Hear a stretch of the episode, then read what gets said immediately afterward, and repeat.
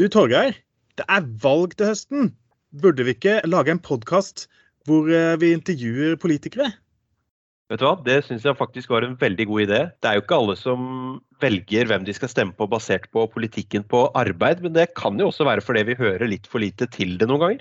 Mm, skulle vi intervjua én politiker fra hvert parti? Tja, tror du de gidder å komme til oss? Vi kan jo bare høre. Vi spør vel alle partiene på Stortinget, da? Det syns jeg vi skal gjøre. Ja. Hvem, hvem skal vi starte med?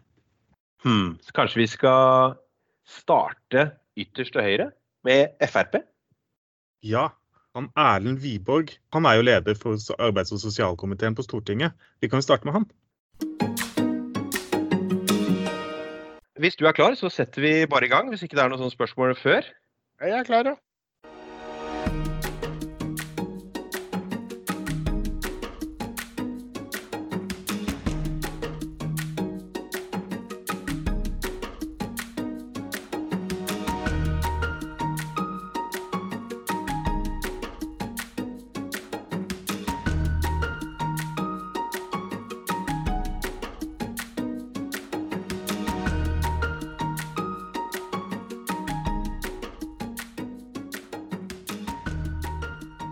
I dag har vi besøk av Erlend Wiborg.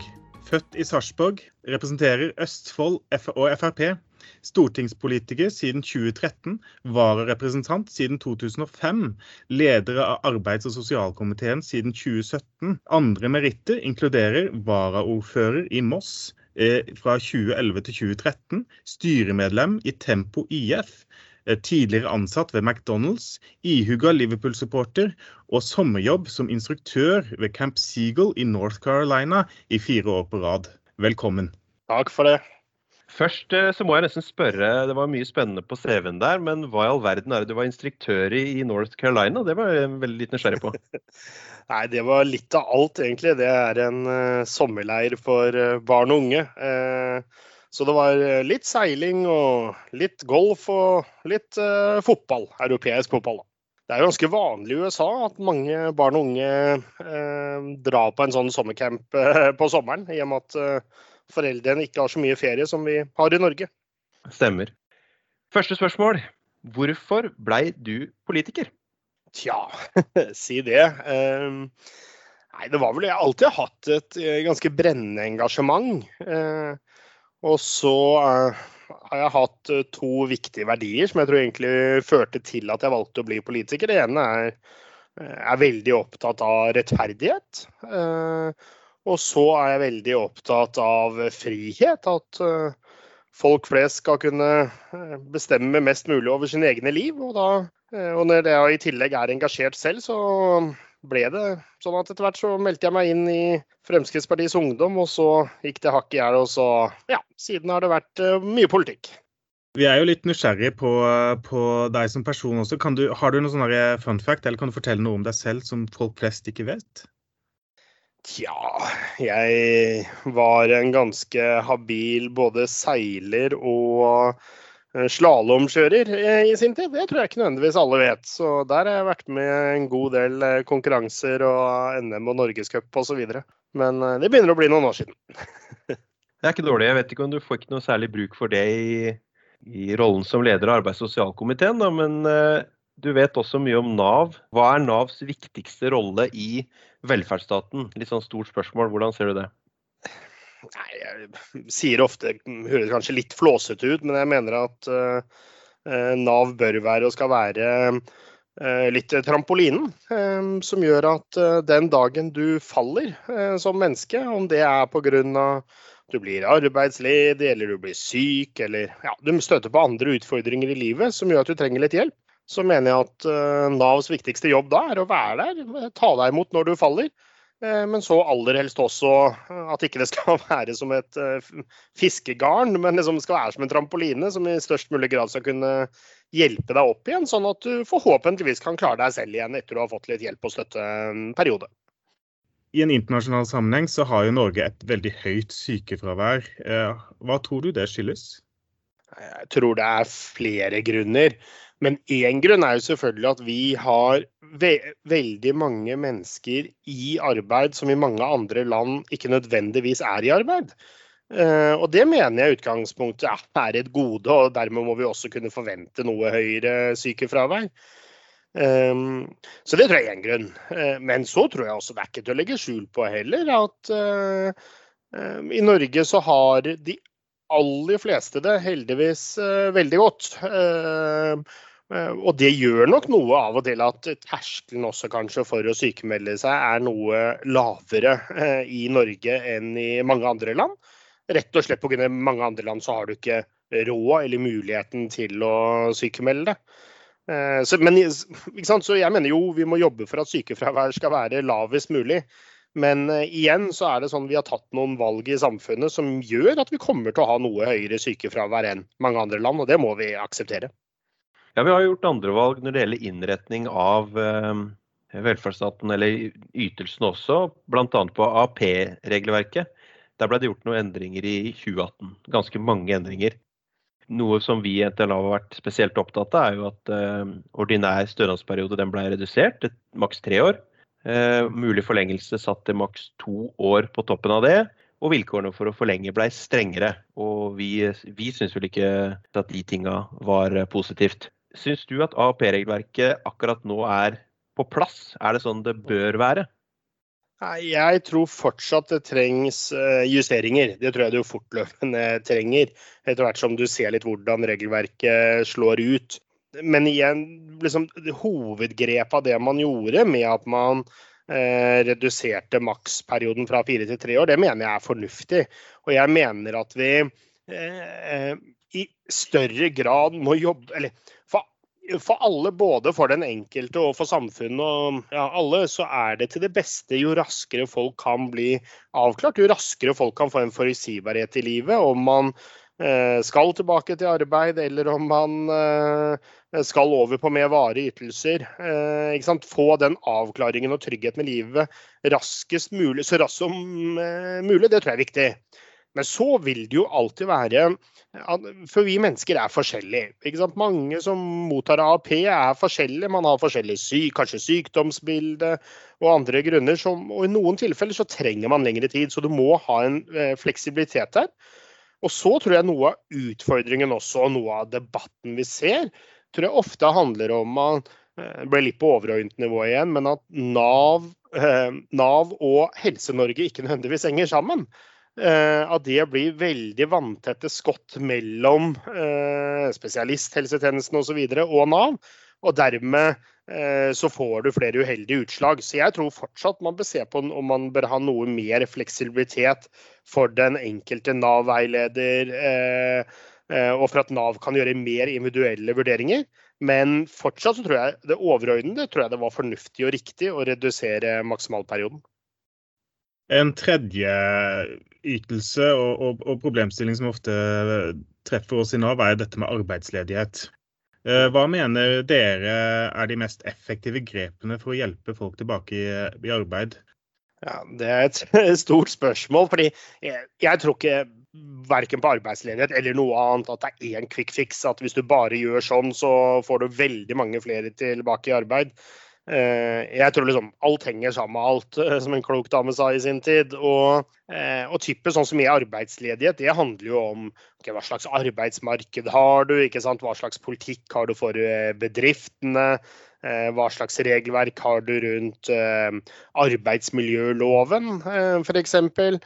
Hvor i stor grad legger du til rette for at folk som kanskje ikke er helt A4, kan, kan få kommet seg ut i arbeid. Så det blir veldig sånn helhetlig. Men noe av det jeg tror, det er jo at man må se litt mer på hvordan det norske arbeidslivet er. For fortsatt tror jeg at veldig mye av det norske arbeidslivet er bygget veldig opp rundt A4-mennesket. Liksom at eh, enten er du 100% syk, eller så er du 100 frisk. Eh, Eh, liksom. Og folk er ikke sånn. Vi mennesker er forskjellige. Alle har sine forskjellige utfordringer permanent eller eh, periodevis i løpet av et liv. Og da må du også ha et arbeidsliv som kanskje i større grad gjør at eh, folk skal kunne få ja, brukt eller buzzordet, men eh, restarbeidsevnen man har. Men det er veldig lett å bare si det.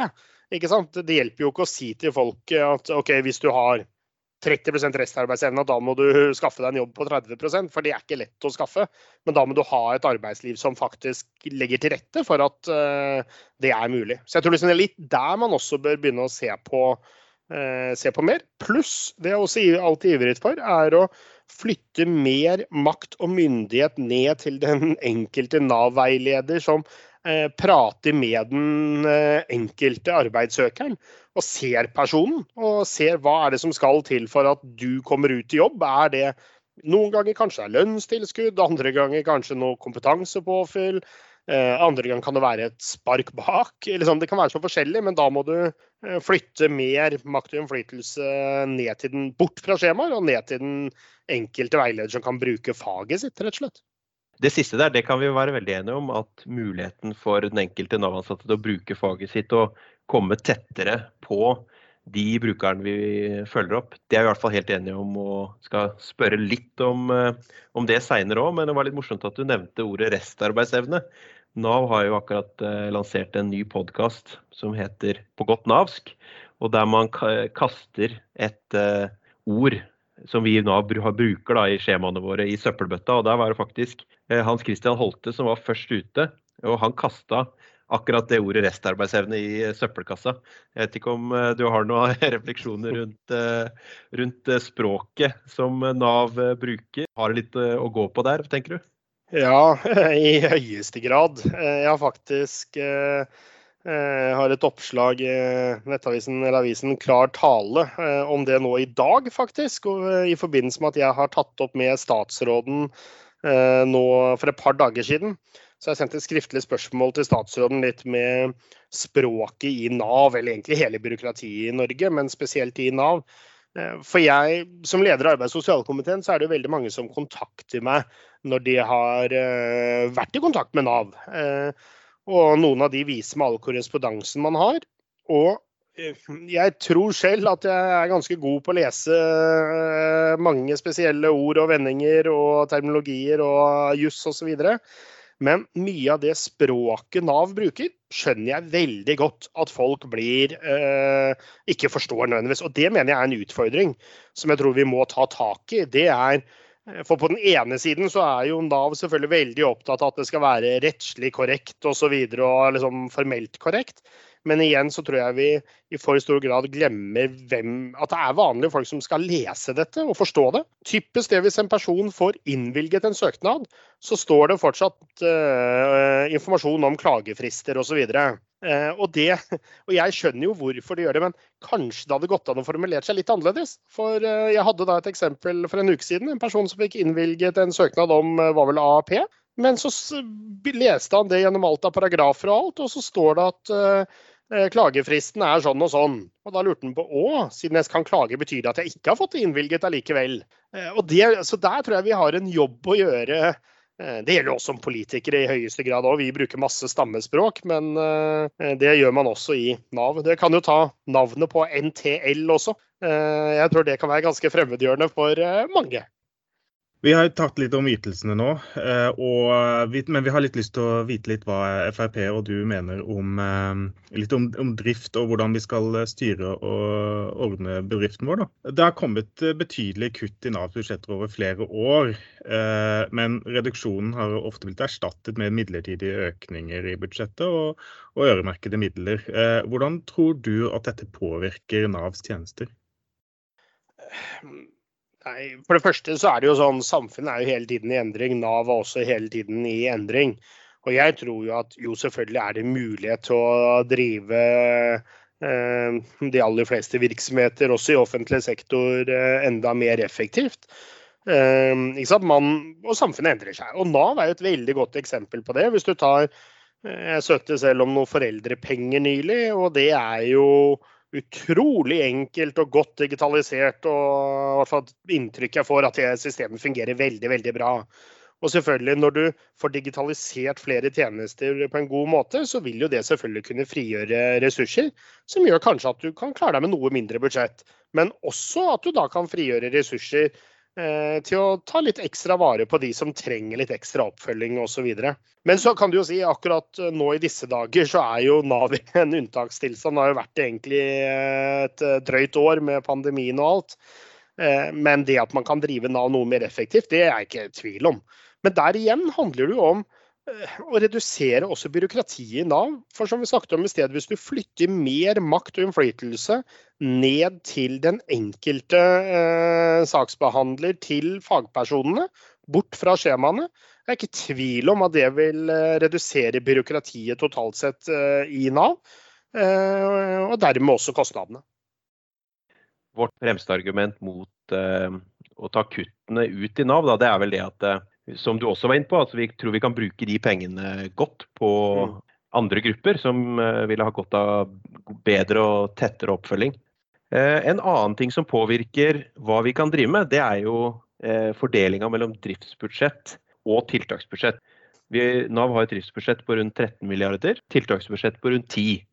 Og som i praksis betyr at vi driver i hvert fall ikke så mye oppfølging vi kunne gjort sjøl, men vi er tvunget til å kjøpe tettere oppfølging og tiltak av andre aktører.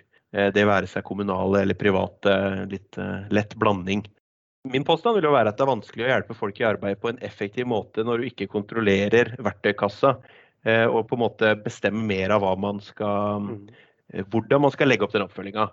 Robert Eriksson han, når han var minister, snakka mye om A-en i Nav og det å lykkes bedre med arbeidsdelen, da, for de som ikke er kjent med hva den står for. Arbeidsdelen i samfunnsoppdraget. Hvordan skal vi finne A-en i Nav, gitt de rammene? Jeg tror du innledningsvis så tror jeg du er inne på noe av eh, utfordringen eller noe av løsningen også. Eh, det går jo på For en utfordring, da. Det er jo sånn som på Stortinget eh, så tror jeg alle partier osv. har de beste intensjoner. Ehm, men igjen så går det av og til litt for mye over til at man skal detaljstyre. Eh, og samme tror jeg litt eh, av og til fra departement osv. at man i for stor grad ønsker å detaljstyre. Og jeg tror du er inne på akkurat det. Hvorfor eh, hvor budsjettfordelingen mellom Nav direkte og innkjøpene på tiltak, ok, der mener jeg Nav bør få større frihet til selv å kunne avgjøre. Og jeg tror i mange tilfeller vil det være fornuftig å gå til innkjøp, om det er fra kommunale eller private osv. Men det må man faktisk vurdere der ute, eh, som har skoen på, og som kjenner liksom til resultatene osv. Gjøre det mindre byråkratisk, eh, rett og slett. Så det er ikke tvil om det du innleda med. Det vil eh, kunne bidra der ved å myke litt opp på de båndene og litt rigide føringene som jeg mener fortsatt er det. Jeg tror det har blitt noe bedre, men fortsatt så syns jeg det er for rigid. Mm. Ja, det har jo blitt noe bedre. Vi har jo en fullmakt til å bruke 200 eh, millioner, 250 millioner av eh, tiltaksbudsjettet. Så det har jo vært en slags bevegelse. Men det er jo et Store penger, men småpenger eh, hvis du ser hvor stort budsjettet faktisk er eh, der. Men, det var en stor kamp da man uh, fikk de 200-300 millionene eller hva det var over til Nav egen-regi. Uh, det husker jeg var en virkelig dragkamp her på Stortinget også. Ja. En annen ting som det var dragkamp på i sin tid, det handla jo litt om når Nav ble Nav. Da var det mange ulike interesser. Eh, det endte jo opp med at Nav-kontorene i dag drives i partnerskap mellom stat og den enkelte kommunen. Hva synes du om den modellen? Det syns jeg er en veldig dårlig modell. Eh, fordi Hvis man tar litt av historien bak eh, liksom, før Nav, da jeg tror tanken bak etableringen av Nav synes jeg var veldig god. ikke sant? Det at du skal ha én dør inn osv. Det er til det beste for, eh, for, den enkelte bruker. Men også det at man da i større grad anerkjenner det at vi mennesker er ikke eh, A4-mennesker. Vi passer ikke inn i et skjema. Eh, du må kunne se hele mennesket. Eh, og Derfor syns jeg tanken bak Nav var god. Men så hadde man jo et eh, pilotprosjekt før man etablerte Nav med 18-19 steder i Norge. Man skulle ha liksom mm, prøve-Nav. Så evaluerte man det, og det var vel 18 av de 19 sa vel at dette var en dårlig idé, måten man gjorde det på.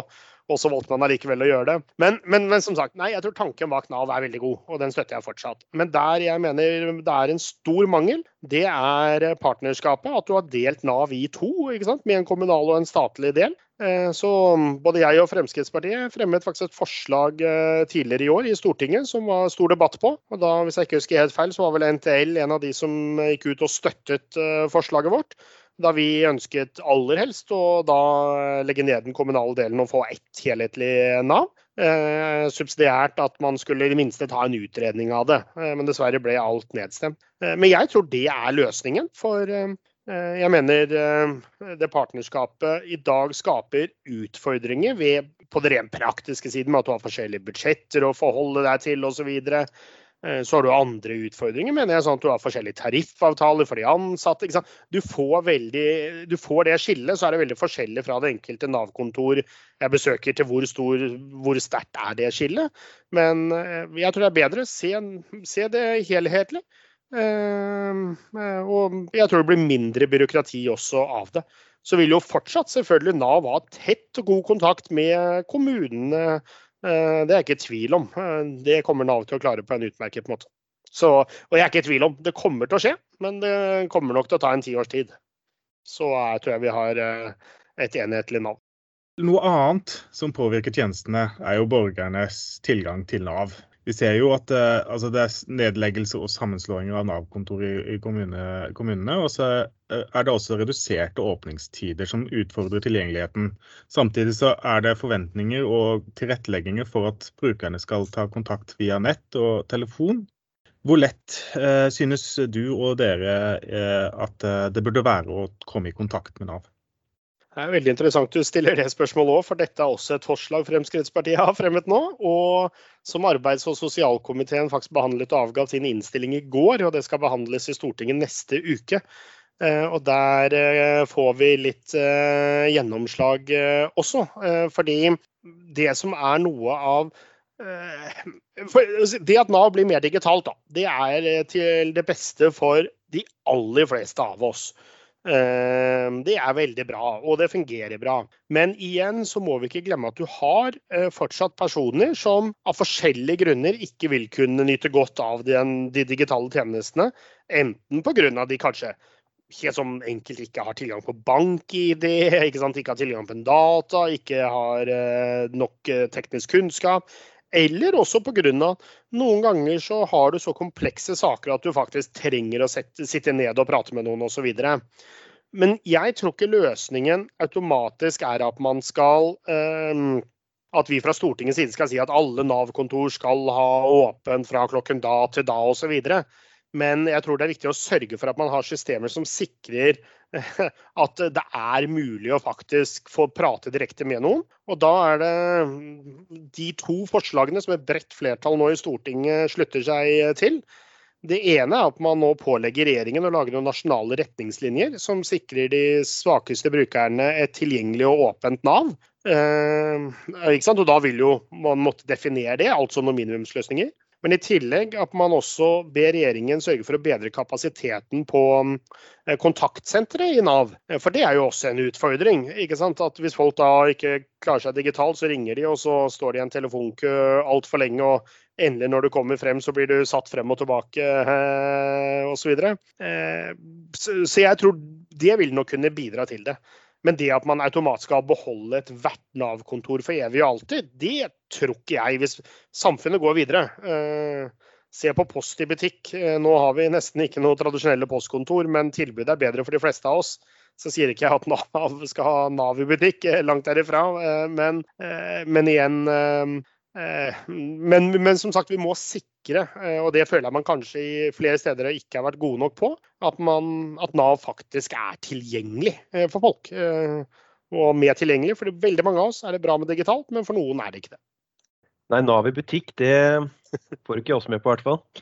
da kan jeg si jeg var i arbeids- og sosialkomiteen var i, um, ja, For en fire år siden var vi i Canada, eller fem år siden. Og der har de flyttet, uh, ja, tilsvarende Nav, da, har de flyttet ut på kjøpesentrene. Uh, så der var de, og der hadde de drop-in og hele pakka. Det var litt utvidet Nav da du fikk pass og en god del sånne offentlige tjenester, men også. Men eh, det var ganske interessant. Og eh, de var gode tilbakemeldinger fra endringene her, så det er faktisk verdt å se litt nærmere på. Men, men jeg er enig i vanlig Nav i butikk. Det tror jeg ikke. Nav tror jeg er altfor spesialisert til det. Hvem som helst kan ikke gå inn og gjøre jobben til en Nav-ansatt, for å si det mildt. Mm. Vi nærmer oss slutten, men akkurat det du var inne på der, er vi litt nysgjerrig på. Eh, hva tenker du egentlig om oss? Ikke akkurat Ove og meg, da. Men eh, hvordan vil du beskrive en typisk Nav-ansatt? Jeg er ganske tykkhuda, fordi I tillegg til å være ja, Det er vel politikere og bruktbilselgere og telefonselgere og Nav-ansatte som kanskje får mest pepper i Norge. Eh, og jeg mener mye av pepperen er ganske urettferdig. Eh, og jeg tror vi som politikere òg, eh, dessverre også i det offentlige ordskiftet, eh, bidrar til å snakke Nav ned. For det vi glemmer, det er jo at eh, jo, de aller, aller fleste som er i kontakt med Nav, er strålende fornøyd. Men det er ikke de vi hører om. Eh, ikke sant? Vi hører ikke om de 99% eller hvor mange det er som er strålende fornøyd. Eh, man hører jo om der det ikke fungerer. Eh, og selvfølgelig så må vi ta tak i det som ikke fungerer, og ting kan alltid gjøres bedre. Men igjen så tror jeg liksom Det er jo ikke sånn som det er ikke den enkelte Nav-ansatt som eh, av vond og vrang vilje eh, gjør noe. Ofte er det vi som politikere som har skylden, som faktisk burde fått skylden i større grad. Eh, når det er regelverk, firkanta saker. Du hører om personer som må eh, dokumentere at eh, benet fortsatt er amputert for å få videre forskjellig hjelp osv. Alle skjønner jo at det er ikke den enkelte Nav-ansatt som finner på sånn, men det er pga. at man har lagd et så, såpass rigid system fra toppen Eh, som gjør at alle skal passe inn i en A4-mal. Og så er det de Nav-ansatte som må, har den utakknemlige jobben med å oppfylle det vi fra politikerne eller eh, departementet osv. sier. Så jeg tror det er litt av grunnen. Altså, så jeg, er ganske, jeg tror de, de alle, jeg er mye rundt og besøker ansatte på Nav, og syns det er eh, mange dyktige mennesker som har brennende engasjement. Og jeg synes det er synd ikke det kommer godt nok fram.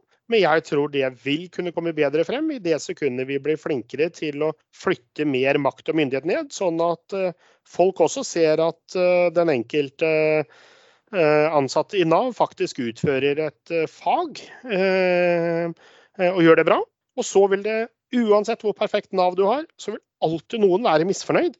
For det er ikke sånn at eh, hver person som kontakter Nav skal få det den ber om. Langt derifra. Men man skal få det man har rett på, det man skal ha for å få den hjelpen man trenger. Men eh, det betyr ikke at alle som har lyst på penger fra Nav eller eh, ytelser eller hjelp, skal få akkurat som de ønsker. Men der har jeg ganske stor tillit til, til Nav-ansatte. Men da må også vi som politikere, tror jeg, og det gjelder meg selv òg, i større grad blir flinkere til å backe opp det eh, arbeidet som faktisk gjøres. Det tror jeg er mye å si. For holdninger skapes. Og, så jeg tror det er egentlig mitt, mitt syn. Men eh, alle kan alltid bli bedre, selvfølgelig. Vi, eh, vi, er jo også litt nysgjerrig på hva du tenker om Nav i fremtiden, om ti år. Nå har vi jo, Du har allerede foreslått er en helstatlig Nav, så, men utover det, hva ser du for deg at Nav er om ti år? Jeg tror Nav er enda større grad eh, digitalisert eh, og automatisert. Eh, selvfølgelig, jeg tror det, det er den veien det går. Men så håper jeg og tror jeg at vi har da et Nav som er noe mindre regelstyrt. Og mer basert på sunn fornuft og på faget til de ansatte i Nav. At man kan se det enkelte mennesket som kommer inn døra der. Hva er det som skal til for å hjelpe den? Eh, men også da at samfunnet er klar over at ja, det vil noen ganger bety at eh, du vil få litt forskjellig praksis noen steder. Eh, det betyr at to personer kanskje vil få litt forskjellig hjelp og rettledning og støtte osv. Men sånn er det for ingen mennesker. Jeg er liberalist og mener at hvert enkelt individ er forskjellig. Har forskjellige drømmer og muligheter og utfordringer i livet. Og da kan vi ikke lage en A4-mal som skal passe for alle. Så jeg tror vi ser da et mer individretta Nav, eh, der man ser den enkelte bruker i enda større grad enn i dag. Håper jeg, da. Jeg er evig optimist også. Mm. Ok, da har vi kommet helt til slutten, vi altså. Og da vil vi spørre hvorfor er du fagorganisert? Eller hvis du ikke er det, hvorfor ikke? Jeg er ikke det. Eh, og som politiker òg, så er det vel ikke direkte en organisasjon som er det passer direkte for meg. Men men tidligere, også før jeg ble politiker, så har jeg eh, valgt å ikke være det. Jeg har veldig respekt for at mange ønsker å være det, og um, tror det kan være bra for veldig mange. Men hver enkelt må ta det valget selv. Og så mener jeg det er opp til eh, dere som fagforeninger å gjøre dere så attraktive som mulig, sånn at flest mulig velger å være organisert hos dere. Um, for jeg er veldig skeptisk til å prøve å tvinge og presse folk inn til å bli det. Så hver enkelt må selv ta, finne ut hva man mener er best for seg selv. Men det er ikke noe tvil om det å være fagorganisert kan i mange tilfeller gi deg en ekstra trygghet. Eh, eh, og det er, det er, litt som forsikring av og til også. Det er først når eh, huset ditt brenner at du virkelig eh, kan være glad for at du eh, hadde forsikring. Tusen takk for at du kom, Erlend Wiborg. Bare hyggelig. Takk for at jeg fikk være her. Takk til deg som hørte på. Hvis du har spørsmål eller kommentarer, ris eller ros, så er vi veldig takknemlige om du sender en e-post til torgeir.homme alfakrøll nav.no. Vi høres.